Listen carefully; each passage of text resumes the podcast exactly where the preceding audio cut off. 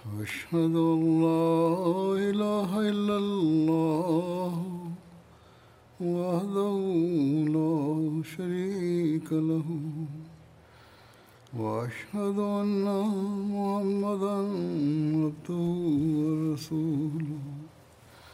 أما بعد فأعوذ بالله من الشيطان الرجيم. بسم الله الرحمن الرحيم. الحمد لله رب العالمين. الرحمن الرحيم. مالك يوم الدين.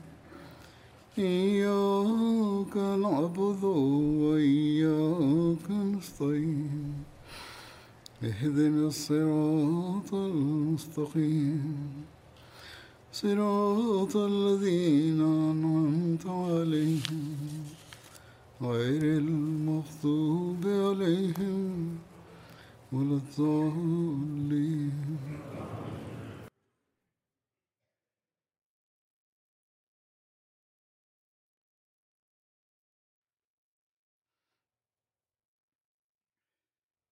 شيئا من إعدادات كفار مكة للحرب والمزيد من التفاصيل كالتالي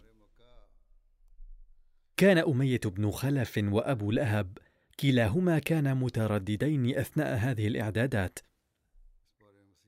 ورد في تفصيل ذلك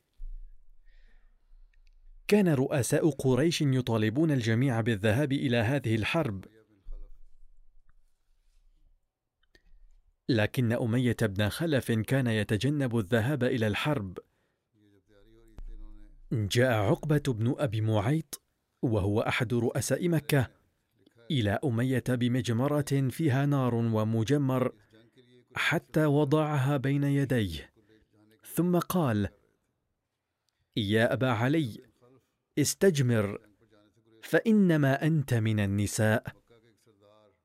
أي لست من المحاربين.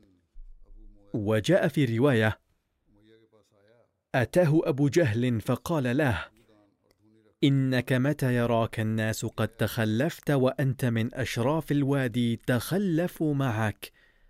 فسر يوما أو يومين ثم يمكنك أن تعود.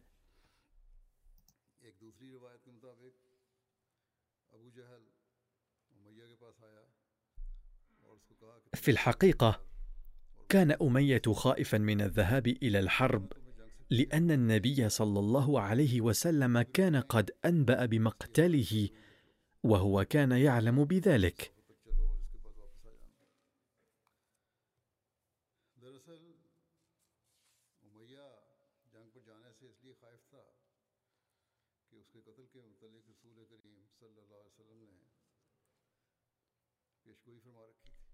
فورد في صحيح البخاري عن عبد الله بن مسعود رضي الله عنه قال انطلق سعد بن معاذ معتمرا. قال فنزل على أمية بن خلف لأنه كان صديقا له منذ زمن طويل.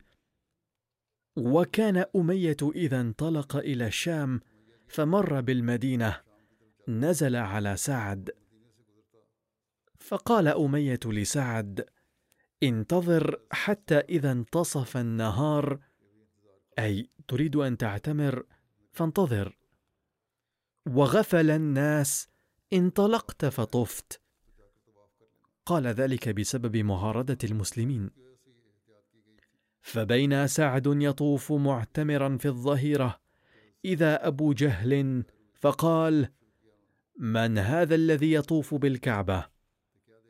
فقال سعد أنا سعد. فقال أبو جهل تطوف بالكعبة آمنا وقد آويتم محمدا وأصحابه. فقال نعم.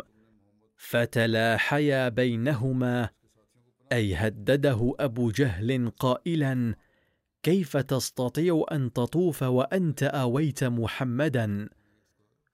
فقال سعد نعم. قد آويت وسأطوف أيضا وبدأ التلاحي بينهما.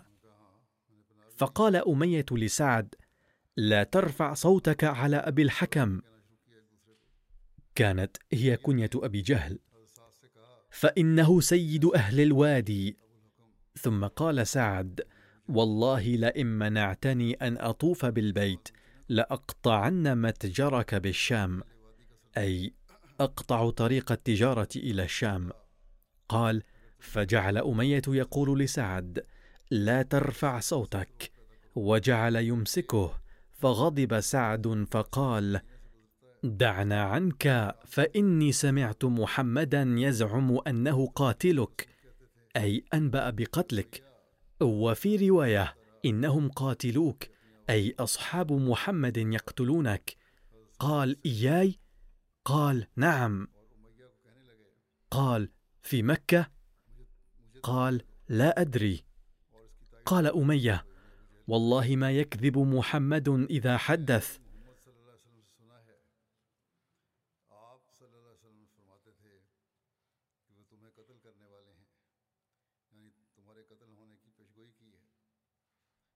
فرجع إلى امرأته فقال أما تعلمين ما قال لي أخي اليثربي قالت وما قال؟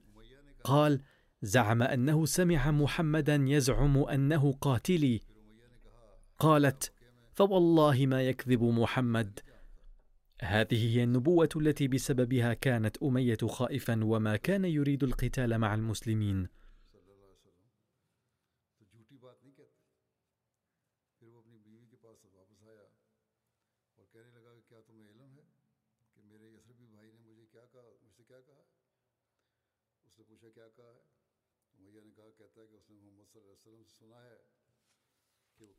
قال عبد الله بن مسعود فلما خرجوا إلى بدر وجاء الصريخ قالت له امرأته أما ذكرت ما قال لك أخوك اليثربي؟ قال فأراد الا يخرج. فقال له أبو جهل إنك من أشراف الوادي فسر يوما أو يومين. فسار معهم فقتله الله.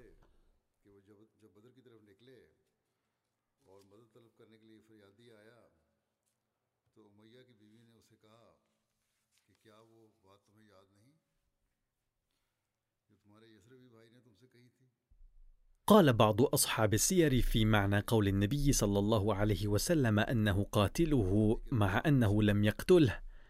فقالوا المراد من ذلك هو أن النبي صلى الله عليه وسلم كان سببا في قتله وإلا فهو لم يباشر إلا قتل أخيه أبي بن خلف في أحد.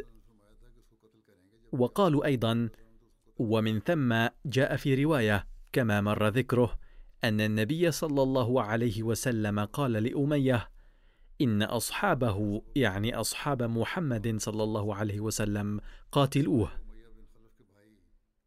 بغض النظر عمن قتله فالحق أنها كانت نبوءة وتحققت.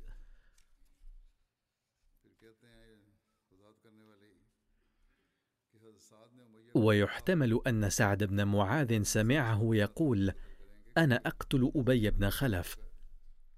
ففهم سعد أنه يريد أمية لا ابيا.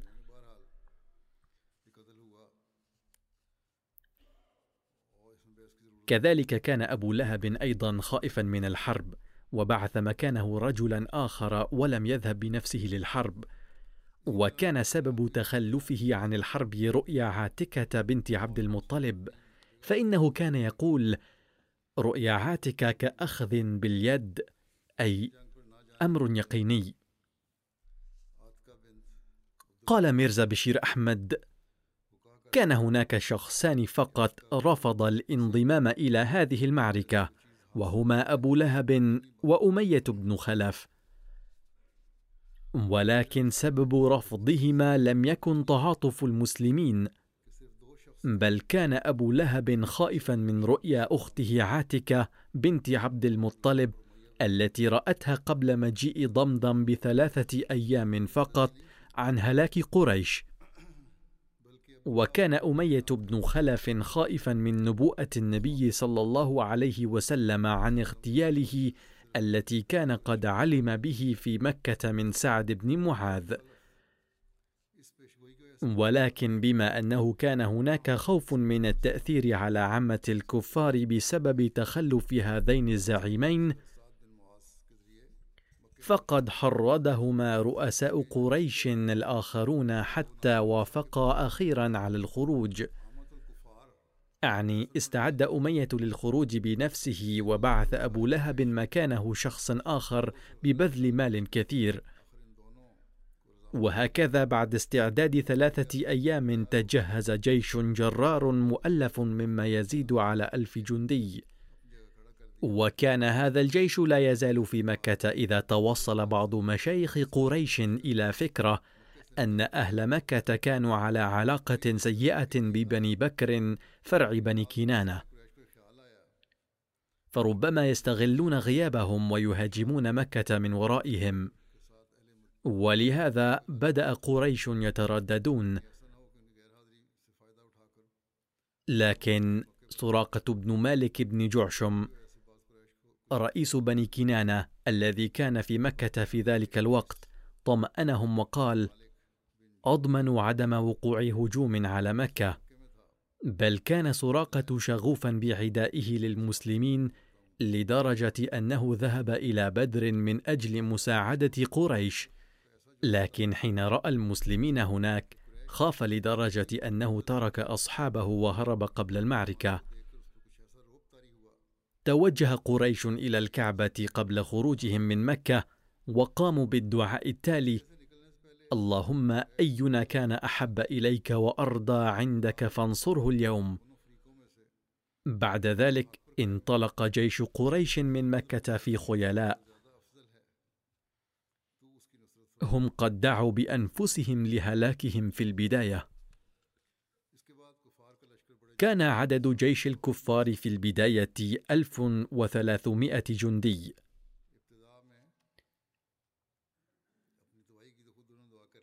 لكن بني زهرة وبني عدي انفصلوا عن هذا الجيش في الطريق.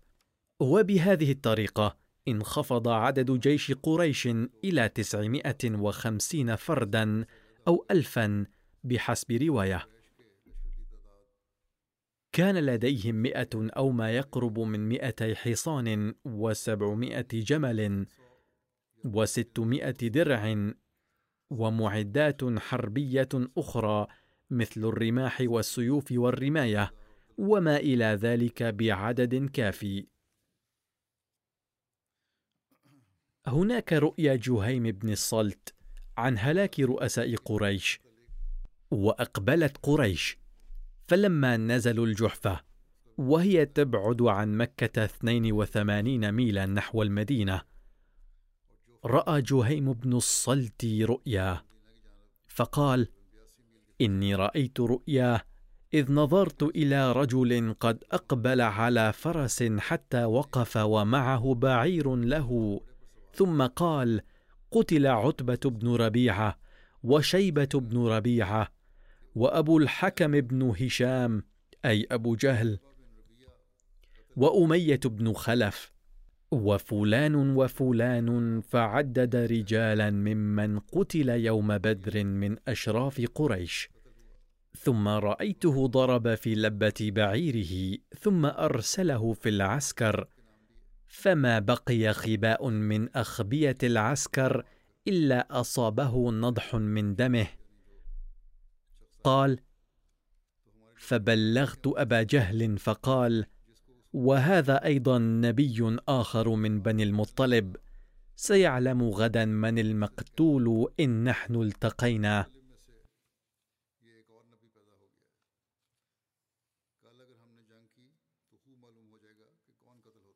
باختصار كما ذكرت من قبل أن أبا سفيان ذهب بطريق آخر وأرسل رسالة إلى أبي جهل أنه لا حاجة للحرب وأن تعود. وكما ذكرت في الخطبة الماضية أن أبا سفيان نفسه تقدم على قافلته من باب الحيطة ونزل على النبع وسأل هناك شخصا هل رأيت احدا هنا؟ فقال ذلك الشخص لم أرى شيئا غريبا إلا أنني رأيت رجلين أناخا بعيريهما قرب هذا التل ورجع بعد أخذ الماء. ذهب أبو سفيان إلى حيث برك الجملان ورأى الأبعار هنالك فحمل بعرة وكسرها ووجد فيها نواة تمر فقال هذا علف يثرب. فعاد إلى قافلته مسرعا وأخذ أصحابه إلى شاطئ البحر منحرفا عن الطريق العادي المعروف وسار تاركا ميدان بدر جانبا. هذا قد بينته في الخطبة الماضية أيضا. ولما رأى أبو سفيان أنه قد أحرز عيره أرسل إلى قريش إنكم إنما خرجتم لتمنعوا عيركم ورجالكم وأموالكم. فقد نجاها الله فارجعوا. فقال أبو جهل بن هشام والله لا نرجع حتى نرد بدرا. وكان بدر موسما من مواسم العرب يجتمع لهم به سوق كل عام. فنقيم عليه ثلاثا. فننحر الجزر ونطعم الطعام. ونسقي الخمور وتعزف علينا القيان. وتسمع بنا العرب وبمسيرنا وجمعنا. فلا يزالون يهابوننا ابدا بعدها. فامضوا أي قال سنذهب في كل حال مع الجيش لنلقي الرعب في القلوب. كان معهم بنو زهرة. ورد عنهم أنهم قرروا الرجوع. ولما سمع الأخنس بن شريق رسالة أبي سفيان وكان حليفا لبني زهرة. يا بني زهرة قد نجى الله لكم أموالكم وخلص لكم صاحبكم مخزمة بن نوفل وإنما نفرتم لتمنعوه وماله. فاجعلوا بي جبنها وارجعوا فإنه لا حاجة بكم في أن تخرجوا في غير ضيعة. لا ما يقول هذا يعني أبا جهل. فرجعوا فلم يشهدها زهري واحد. وكذلك لم يخرج أحد من بني عدي بن كعب إلا أن جيش قريش استمر قدما. وكان في الجيش طالب بن أبي طالب فدار بينه وبين بعض قريش حوار. فقالوا والله لقد عرفنا يا بني هاشم وإن خرجتم معنا أن هواكم مع محمد. فرجع طالب إلى مكة في من رجع. وفي رواية أن طالب بن أبي طالب كان خرج مع المشركين على مضض. ولكن لم يعثر عليه في الأسرى ولا في القتلى كما لم يرجع إلى بيته. ومضت قريش الذين كان عددهم قد انخفض من 1300 إلى ألف جندي تقريبا. قد واصلوا مسيرهم حتى نزلوا بالعدوة القصوى من الوادي. ثم ورد عن خروج النبي صلى الله عليه وسلم من المدينة وعدد جيش المسلمين أن رسول الله صلى الله عليه وسلم غادر المدينة المنورة يوم السبت الثاني عشر من رمضان السنة الثانية الهجرية. كان معه أكثر من ثلاثمائة شخص منهم أربعة وسبعون من المهاجرين والباقي من الأنصار. كانت هذه هي المعركة الأولى التي انضم إليها الأنصار أيضا. وأمر رسول الله صلى الله عليه وسلم حضرة عثمان بن عفان بالبقاء في المدينة المنورة لأن زوجته حضرة رقية بنت رسول الله صلى الله عليه وسلم كانت مريضة. ورد في رواية أن عثمان نفسه كان مريضا ولكن القول الأشهر هو أن زوجته كانت مريضة. وفي معظم الروايات ورد عدد المسلمين ثلاثمائة وثلاثة عشر. ورد في صحيح البخاري عن البراء بن عازب يقول حدثني أصحاب محمد ممن شهد بدرا أنهم كانوا عدة أصحاب طالوت الذين جازوا معه النهر بضعة عشر وثلاثمائة. قال البراء لا والله ما جاوز معه النهر إلا مؤمن. وفي رواية عن البراء قال كنا أصحاب محمد نتحدث أن عدة أصحاب بدر على عدة أصحاب طالوت الذين جاوزوا معه النهر ولم يجاوز معه إلا مؤمن بضعة عشر وثلاثمائة. يقول سيدنا المصلح الموعود رضي الله عنه عن عدد المسلمين في معركة بدر نرى أن الصحابة خرجوا بعدد ثلاثمائة وثلاثة عشر لمعركة بدر. فلو خرجوا بعدد ستمائة أو سبعمائة بدلا من ثلاثمائة وثلاثة عشر وانضم إليهم الصحابة الذين بقوا في المدينة لسهل عليهم القتال.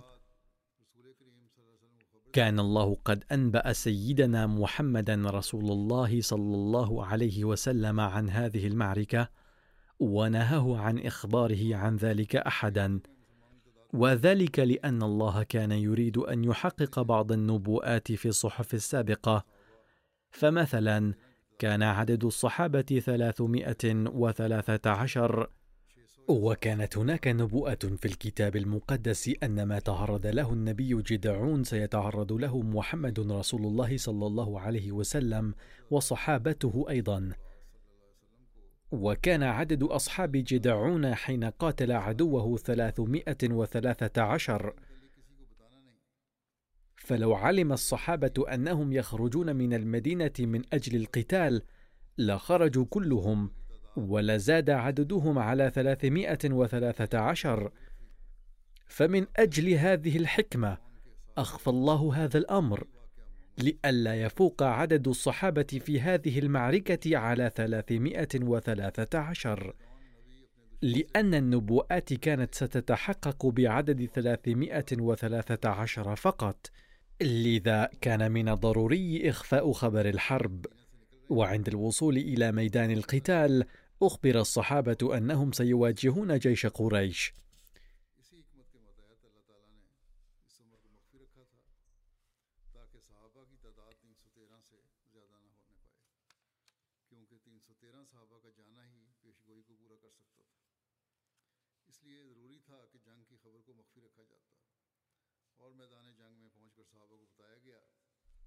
كانت هناك سيدة اسمها أم ورقة بنت نوفل.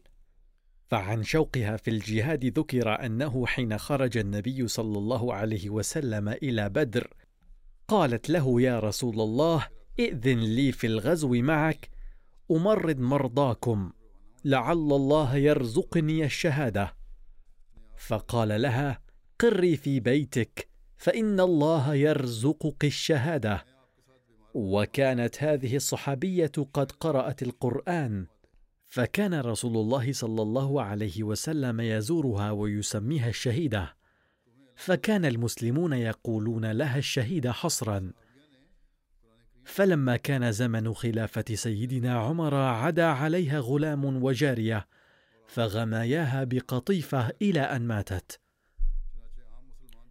وكانت قد أوصت بأنهما سيتحرران بعد موتها فجيء بهما إلى سيدنا عمر فأمر بصلبهما وقال صدق رسول الله صلى الله عليه وسلم. كان يقول انطلقوا بنا نزور الشهيدة. فكان النبي صلى الله عليه وسلم في زيارته لها يصطحب سيدنا عمر وغيره. لقد ورد تفصيل قوة الجيش الإسلامي في رواية أن في هذه المعركة كانت عند المسلمين خمسة أحصنة. وعند البعض كان حصانان فقط. أحدهما لسيدنا مقداد والثاني لسيدنا الزبير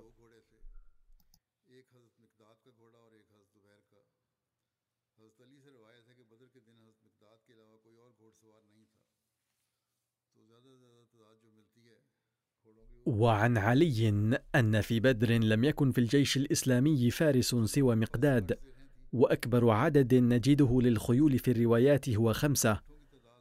وكان رسول الله صلى الله عليه وسلم وعلي بن أبي طالب كرم الله وجهه ومرثد بن أبي مرثد يعتقبون بعيرا. فكان إذا كانت عقبة النبي صلى الله عليه وسلم قال له اركب حتى نمشي معك. فيقول ما أنتما بأقوى مني على المشي وما أنا بأغنى عن الأجر منكما. فأنا الآخر أحتاج إلى الأجر والثواب على هذه المعركة. قد ورد أن النبي صلى الله عليه وسلم دعا للصحابة عند الانطلاق من مكان أثناء السفر. اللهم إنهم حفاة فاحملهم اللهم إنهم عراة فاكسهم اللهم إنهم جياع فأشبعهم وهم عالة فأغنهم بفضلك. فتقبل هذا الدعاء فانقلبوا حين انقلبوا من بدر وما منهم رجل إلا وقد رجع بجمل أو جملين واكتسوا ونالوا أزوادا لم تبق لهم بوجودها حاجة في الأكل والشرب ووجدوا فداء الأسرى كثيرا. بحيث اغتنت كل أسرة. بعض الناس بقوا في المدينة وبعض المجاهدين كانوا أصغر سنا فأمرهم النبي صلى الله عليه وسلم بالعودة. فعن ذلك ورد أن الأمر بالخروج إلى بدر كان عاما لكنه لم تهيأ فرصة كافية للاستعداد، فقد ورد في رواية أن بعض الصحابة قالوا للنبي صلى الله عليه وسلم: إن لهم مطايا على مسافة قصيرة من المدينة، فهل يأخذونها؟ فنهاهم النبي صلى الله عليه وسلم عن ذلك، فتركوا أو خرجوا دون الركوب. صحيح أن الأمر كان عاما كما ورد ومع ذلك كانت هناك قيود كما لم يسمح النبي صلى الله عليه وسلم لأحد بالاستعداد حتى لا يستعد الكثيرون باختصار كان هناك بعض المخلصين سمح لهم التخلف لعذر كما سبق ذكر سيدنا عثمان. وكذلك كانت أم أبي أمامة بن ثعلب مريضة لكنه أراد الخروج فأمره النبي صلى الله عليه وسلم بأن يبقى مع أمه المريضة. فلما عاد النبي صلى الله عليه وسلم كانت قد توفيت فتوجه إلى قبرها فدعا لها وسيدنا سعد بن عبادة الذي كان يحرض الناس في الخروج بشوق كبير قد لدغته الحية فبقي في المدينة. وكذلك توقف النبي صلى الله عليه وسلم في الطريق وأمر المجاهدين الأصغر سنا بالعودة. كان منهم سيدنا عمير بن أبي وقاص حين سمع عن إعادة الأولاد بكى. فأجازه النبي صلى الله عليه وسلم بالبقاء مع الجيش فشارك المعركة واستشهد.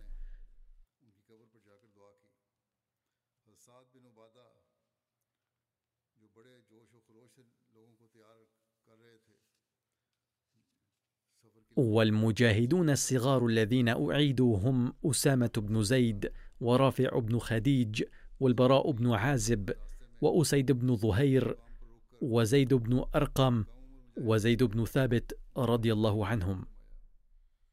يقول سيدنا المصلح الموعود رضي الله عنه في العصر الراهن يبحث الناس عن الأعذار لاجتناب التضحية من أجل الإسلام والإيمان وعندما يدعون يقولون هناك مشكلة كذا وعائق كذا لكنه في زمن النبي صلى الله عليه وسلم كانت قوته القدسية قد ولدت في الصحابة الشوق العارم للتضحية بحيث فضلا عن الرجال والإناث من البالغين نجد الأولاد أيضا متمتعين بهذا الحماس.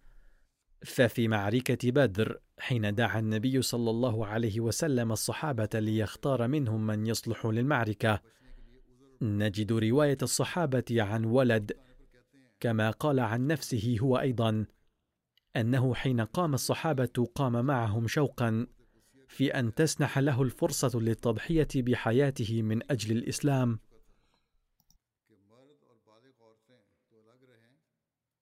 فلما كان يخشى أن لا يرى لكونه قصيرا فلا يختار فقد قام على أصابع قدميه ورفع عقبيه ليرى وأبرز صدره لئلا يعد من الضعفاء. فأمر النبي صلى الله عليه وسلم بألا يختار شاب عمره أقل من خمسة عشر سنة. وحين وصل إلى هذا الولد أثناء الانتخاب قال من أقام هذا الولد؟ أبعدوه. فلو حدث ذلك اليوم فربما رقص الولد فرحا أنه نجا.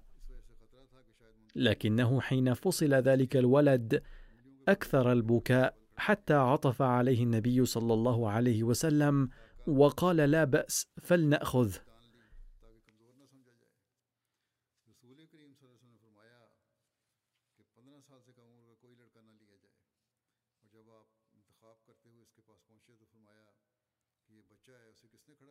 لقد ورد عمن عينه النبي صلى الله عليه وسلم أميرا على المدينة عند خروجه إلى بدر أنه أمر على المدينة سيدنا عبد الله بن أم مكتوم.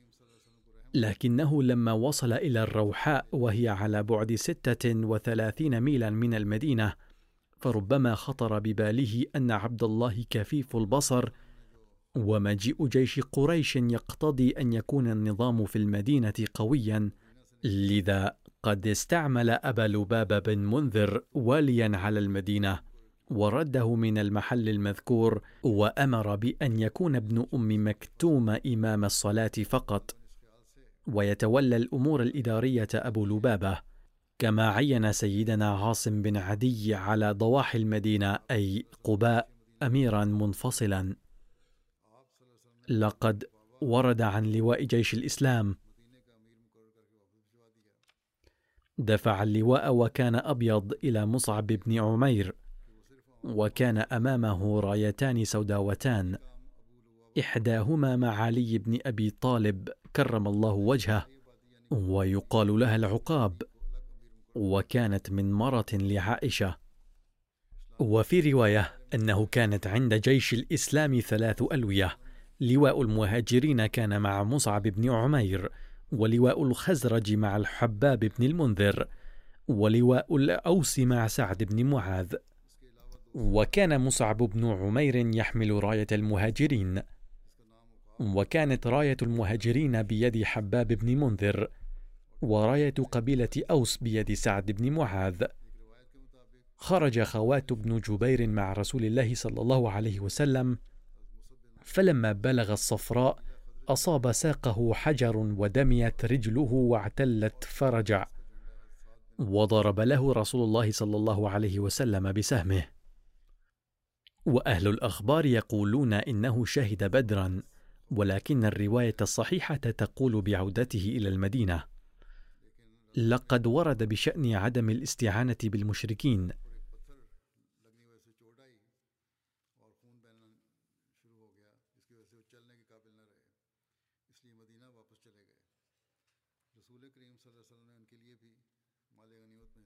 كان حبيب بن يساف ذا بأس ونجدة ولم يكن أسلم.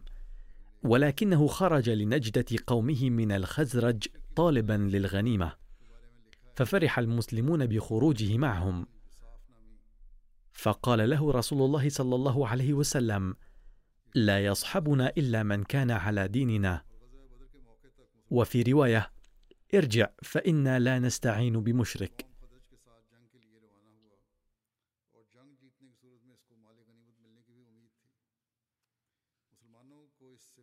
تكررت من حبيب المراجعة لرسول الله صلى الله عليه وسلم. وفي الثالثة قال له تؤمن بالله ورسوله؟ قال نعم. فأسلم وقاتل قتالا شديدا.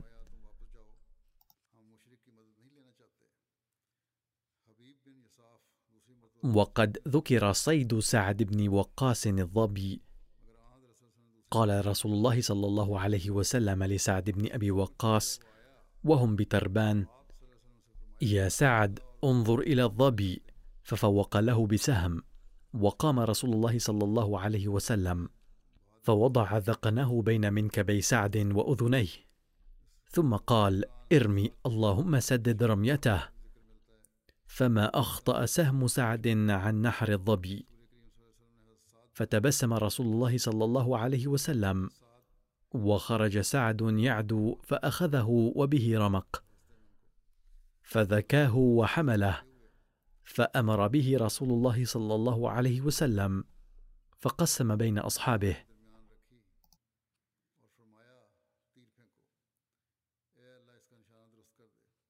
واصل النبي صلى الله عليه وسلم سفره حتى وصل إلى الصفراء وهو واد خضر جدا فيه النخيل.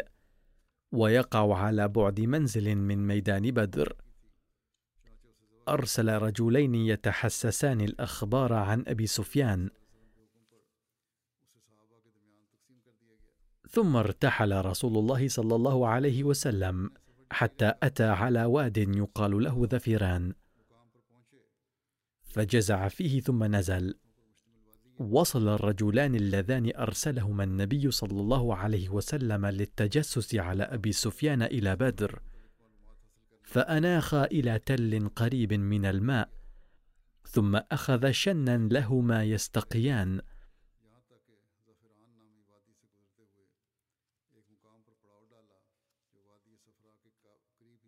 فسمع جاريتين من جوار الحاضر وهما يتلازمان على الماء والملزومة تقول لصاحبتها إنما تأتي العير غدا أو بعد غد فأعمل لهم ثم أقضيك الذي لك.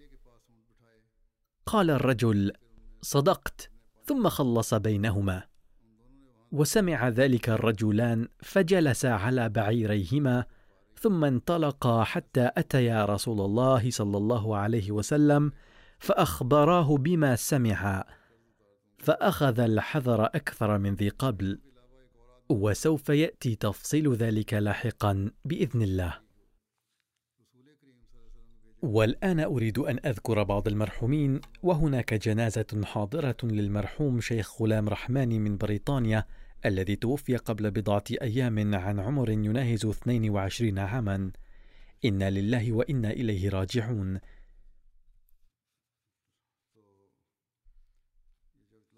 كان المرحوم ابن شيخ غلام جيلاني الأمرتسري صحابي المسيح الموعود عليه السلام وكان زوج ابنة السيد شيخ رحمة الله الذي وفق للخدمة إلى فترة طويلة أميرا للجماعة في كراتشي. لقد سافر الشيخ غلام جيلاني إلى قاديان في عام 1902 لزيارة المسيح الموعود عليه السلام، وآمن فورا قائلا: هذا الوجه لا يمكن أن يكون وجه كاذب. أما المرحوم غلام جيلاني فقد جاء إلى بريطانيا في عام 1958 ونال شهادة المهندس الإلكتروني وعمل طويلا في لجنة البحوث في المستشفى وخدم بصفة السكرتير العام إلى عدة أعوام وخدم رئيسا للجماعة في منطقة ساوث هول في بريطانيا إلى أكثر من عشرة أعوام. بذل جهودا مشكورة لتسجيل مركز الجماعة في ساوث هول عند البلدية المحلية حتى أثمر الله تعالى جهوده. لقد أقيم المركز في أحد البيوت فشكى جار إلى السلطات المحلية. فاستعرضت الدوائر المحلية الوضع ووفق الله تعالى المرحوم لتقديم موقفه أمام السلطات ونجحت مساعيه وصدر الحكم بحق الجماعة قد عقد المرحوم دروسا يوم الأحد في مركز الجماعة في ساوث هول إلى عدة سنين وعرف الناس من فئات مختلفة على تعليم الأحمدية أي الإسلام الحقيقي. في عام 1996 عين سكرتيرا للوصايا وحين أطلقت من الجماعة مشروعا أن يشترك خمسون بالمئة ممن يدفعون التبرع في نظام الوصية حتما. بذل المرحوم مساعي مشكورة بهذا الشأن وظل ينصح الناس بذلك. جعل قسم الوصية يعمل تحت النظام الحاسوب ونسقه تنسيقا جيدا. كان المرحوم ملتزما بالصلاة والصوم وتلاوة القرآن الكريم دمث الأخلاق قليل الكلام ويتكلم بهدوء دائما وكان يحب الجميع ومواسيا لهم وإنسانا مخلصا ويحب الخلافة ومخلصا لها. نال شرف أداء الحج أيضا. كان المرحوم مشتركا في نظام الوصية. ترك وراءه أرملة جميلة رحماني وابنا خالد رحماني وابنة عائشة. كان المرحوم زوج أخت السيد نسيم رحمة الله المشرف الأعلى على موقع الجماعة الرسمية.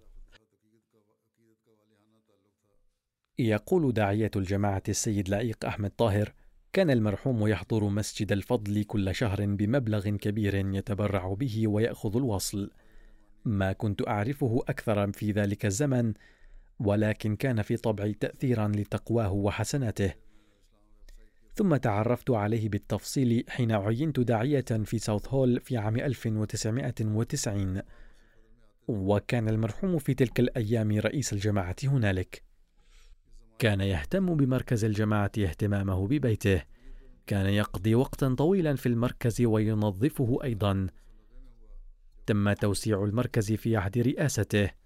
كان إنسانا مؤدبا جدا ويعامل الجميع صغارا وكبارا بالحب والشفقة. كان يحمي أموال الجماعة كثيرا. كان إنسانا عفيفا تماما. أقول لقد لاحظت أنا شخصيا أيضا الصفات المذكورة في المرحوم. كان متواضعا جدا ومخلصا جدا للخلافة وكان سباقا في ذلك لدرجة لا يبلغ شأنه في هذا المجال إلا قلة قليلة. غفر الله له ورحمه ورفع درجاته ووفق أولاده لمواصلة حسناته. آمين. جنازة المرحوم غلام رحماني حاضرة وسأصلي عليه بعد صلاة الجمعة بإذن الله. وإلى جانب الجنازة الحاضرة هناك جنازات أخرى ليست حاضرة وأولها طاهر آغ محمد من مهدي آباد في منطقة دوري في بوركينا فاسو الذي توفي قبل بضعة أيام عن عمر يناهز 44 عاما. إنا لله وإنا إليه راجعون. يقول داعية الجماعة وفق والد المرحوم للبيعة في عام 1999 ولكن المرحوم لم يبايع حينها وحين كان عمر المرحوم 19 عاما أصيبت قدمه وسافر إلى العاصمة للعلاج وفي أثناء المرض دعا كثيرا أن يهديه الله إلى الصراط المستقيم. وإذا كانت الأحمدية صادقة فاهدني إليها. كان المرحوم مولعا في تعلم الدين منذ شبابه ودعا الله أيضا لهذا الغرض. وفي أثناء المرض اقتنع بصدق الجماعة بواسطة الرؤى وبايع عند العودة. تعلم المرحوم الخياطة في مركز الجماعة للخياطة واتخذها معاشا له. كنا نريد بمناسبة عيد الفطر هذا العام خياطة ملابس عائلات الشهداء الذين استشهدوا في بوركينا فاسو ولكن لم يرضى أي خياط لذلك. فطلب داعية الجماعة رانا فاروق أحمد من المرحوم أن يفعل ذلك.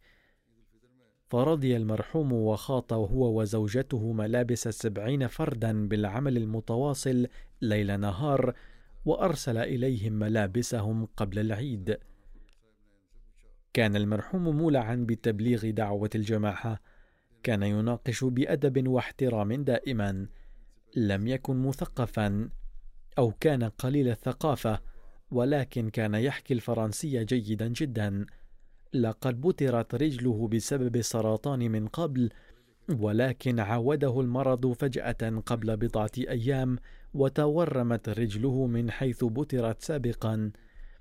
ولكن لم يتمكن المرحوم من الوصول إلى المستشفى الكبير في العاصمة بسبب الظروف المتأزمة السائدة في البلاد وبسبب انغلاق الطرق وظل يتعالج في المستشفى المحلي حتى لفظ أنفاسه الأخيرة فيها بعد بضعة أيام. كان مولعا بتبليغ الدعوة منذ دخوله الأحمدية ويجد سبيلا لذلك بطريقة أو أخرى. اشترى هاتفا ذكيا وقال لإمام المسجد أن يسجل فيه رسائل تبشيرية ويرسلها للناس. فكان يبلغ الدعوة على هذا النحو أيضا أي كان يتحمل نفقاتها بنفسه. وترك وراءه أرملتين وخمسة أولاد وبنات. ألهمهم الله الصبر والسلوان ووفقهم لمواصلة حسناتهم. والجنازة التالية هي للخواجة داود أحمد الذي توفي في الخامس والعشرين من الشهر الجاري عن عمر يناهز واحدا وثمانين عاما. إنا لله وإنا إليه راجعون. أحد أبنائه الخواجة فهد أحمد يعمل داعية في بلاد كيريباسي وهو يقول دخلت الأحمدية في عائلتنا على يد جدي الخواجة عبد اللطيف ابن الخواجة أحمد دين. كان جدي تربى في بيت جده لأمه الخواجة غلام محمد الذي كان أحمديا بفضل الله تعالى. وبينما كان جدي تحت تربية جده بايع في عام 1917 وسنه حوالي 11 عاما. هكذا كان الأحمدي الوحيد بين إخوته وأخواته جميعا. لقد وفق الله المرحوم لخدمة الجماعة في كندا طويلا وعندما كان في باكستان أسدى الخدمات للجماعة في إسلام آباد أيضا فترة طويلة. وفي عام 1974 عندما كان حضرة الخليفة الثالث يحضر في مجلس الشعب الباكستاني وفق الله المرحوم لخدمة الجماعة في هذه المناسبة أيضا. وقد أثنى عليه حضرة الخليفة الثالث رحمه الله بسبب خدماته هذه. كان مهندسا مدنيا. كان يحب الخلافة بعشق ووله. وكان يسعى دوما لخدمة الجماعة على أحسن وجه. كان وقت وفاته في جلسة للهيئة الإدارية في مركز الجماعة. وقبيل عودته إلى البيت شعر آلاما في الصدر ثم لقي مولاه الحق في بضع دقائق. إنا لله وإنا إليه راجعون. كان المرحوم منخرطا في نظام الوصية. خلف وراءه أرملته وأربعة أبناء وبنتا. وكما قلت آنفا أحد أبنائه يعمل داعية في كيريباسي الذي لم يستطع حضور جنازة والده في كندا بسبب انشغاله في خدمة الجماعة بسبب الجلسة السنوية هنالك. ألهمه الله الصبر والسلوان ورفع درجات المرحوم. والجنازة التالية هي للمرحوم سيد تنوير شاه وهو أيضا من كندا ومن ساسكتون توفي مؤخرا في بلاد باراغواي حيث كان ذهب من أجل الوقف المؤقت. إنا لله وإنا إليه راجعون. المرحوم ابن واحد وهو سيد رضا شاه وهو من دعاة الجماعة. كانت السيدة فرخ خانم والدة المرحوم تنوير شاه جاءت مع أخيها حاجي جنود الله وأمها من تركستان إلى قاديان وبايعت. كاتب ابن المرحوم كان جدي السيد سيد بشير شاه حفيدا لحضرة سيد عبد الستار شاه أحد صحابة المسيح الموعود عليه السلام. وهكذا كانت للمرحوم قرابة مع حضرة السيد أم طاهر. كان المرحوم سيد تنوير شاه من أبناء الجماعة الأوفياء. وكان على أهبة الاستعداد دائما لخدمة الجماعة كتب ابنه كان أبونا يأخذنا إلى شتى برامج الجماعة دائما وفي كل يوم جمعة كان يأخذ لنا الإجازة من المدرسة ليأخذنا لأداء صلاة الجمعة. كان يولي التضحيات المالية أهمية كبيرة. كان يفصل جزءا من دخله دائما من أجل التضحيات المالية، وكان يوصي بذلك أهله وأبناء الجماعة أيضا. كان شغوفا بالتبليغ والدعوة، وكان يبين لنا دائما كيف يمكن أن نقوم بنشر دعوة الجماعة على أحسن وجه. في باراغواي أيضا أخبر وهو مسرور كيف أن شخصين قد بايعا خلال زيارته هنالك كان شديد القناعة لم يحب الثراء أبدا ولم يتحسر للمال قط بل كان قانعا شاكرا على ما قسم الله له من الرزق وكان موقنا ومتوكلا على أن الله تعالى سيسد له حاجته. وإذا واجهته مشكلة قال ادعو الله تعالى فسوف يتولانا. وكان الله يتولاه فعلا. كتب ابنه كان والدي ينصحني مرارا بقوله عليك أن تدرك ضخم مسؤوليتك كداعية واعمل بإخلاص دائما. وكتبت زوجة المرحوم عشنا معا تسعة وثلاثين عاما. ولم أرى فيه أي عيب وتقصير. كان محبا ووفيا جدا للخليفة وكان يوصي أولادها أيضا بذلك. كان يسير على الصراط المستقيم كما كان يجعل أولاده أيضا يسيرون عليه. خلال حياتنا التي عشناها معا لم أراه تكلم ضد أحد بسوء قط. كان يراعي حقوق أقاربه الأصهار أيضا. كلما كانت أمي بحاجة إلي كان يرسلني إليها بانشراح وبشاشة. وكتب داعيتنا في باراغواي السيد عبد النور باطن لقد وفقه الله لخدمة الجماعة في كندا على مناصب مختلفة ولم نرى فيه شائبة من الفخر والتعالي بسبب هذه الخدمات. كان يحب خدمة الجماعة حبا شديدا حيثما ذهب خدم الجماعة بشوق وحماس ومحبة وكأنه فرض واجب عليه. كان لشخصيته أثر عميق على شباب الجماعة باراغواي. لقد علمهم صفات الصبر والإحسان وإكرام الضيف. وكتب السيد حبيب الرحمن رئيس جماعتنا في رجانيا. كان المرحوم من خدام جماعتنا المخلصين. كان مبتسما دائما ولم اراه غاضبا قط. كان شديد الحلم.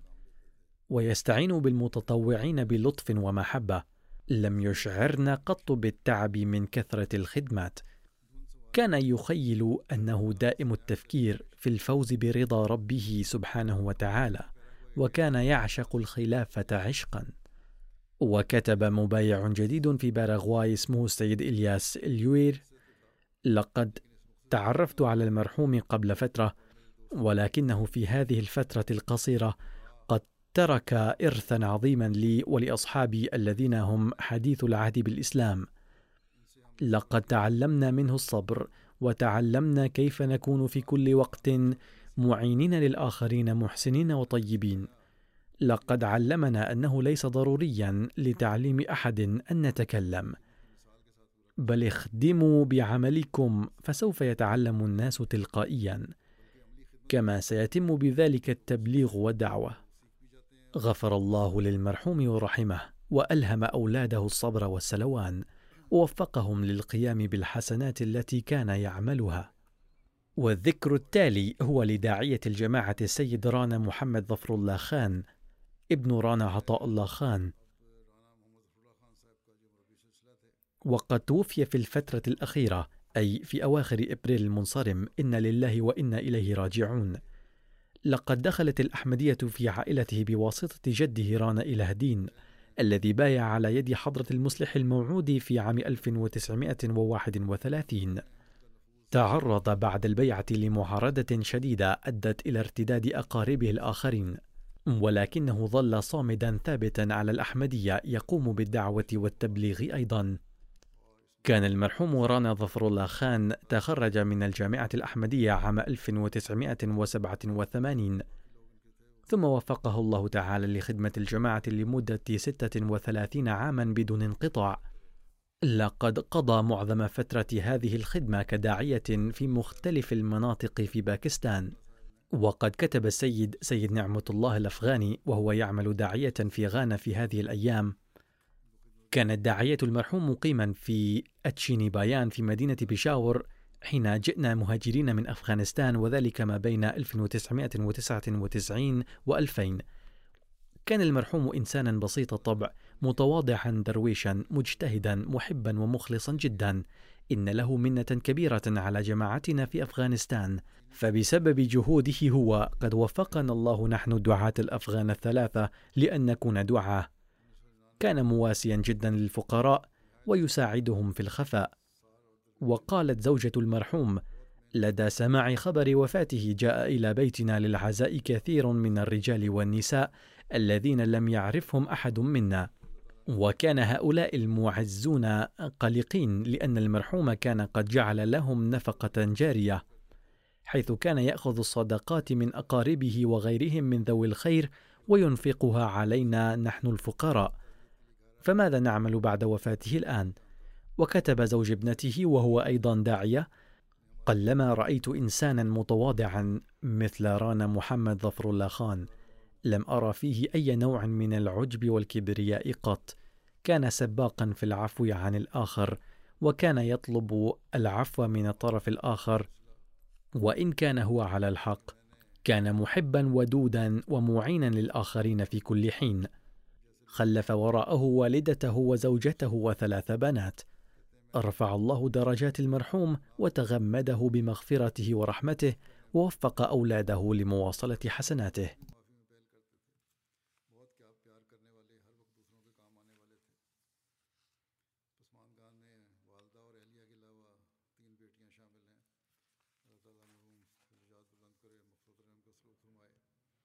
بچوں کو بھی ان کی جاری رکھنے کی توفیق دے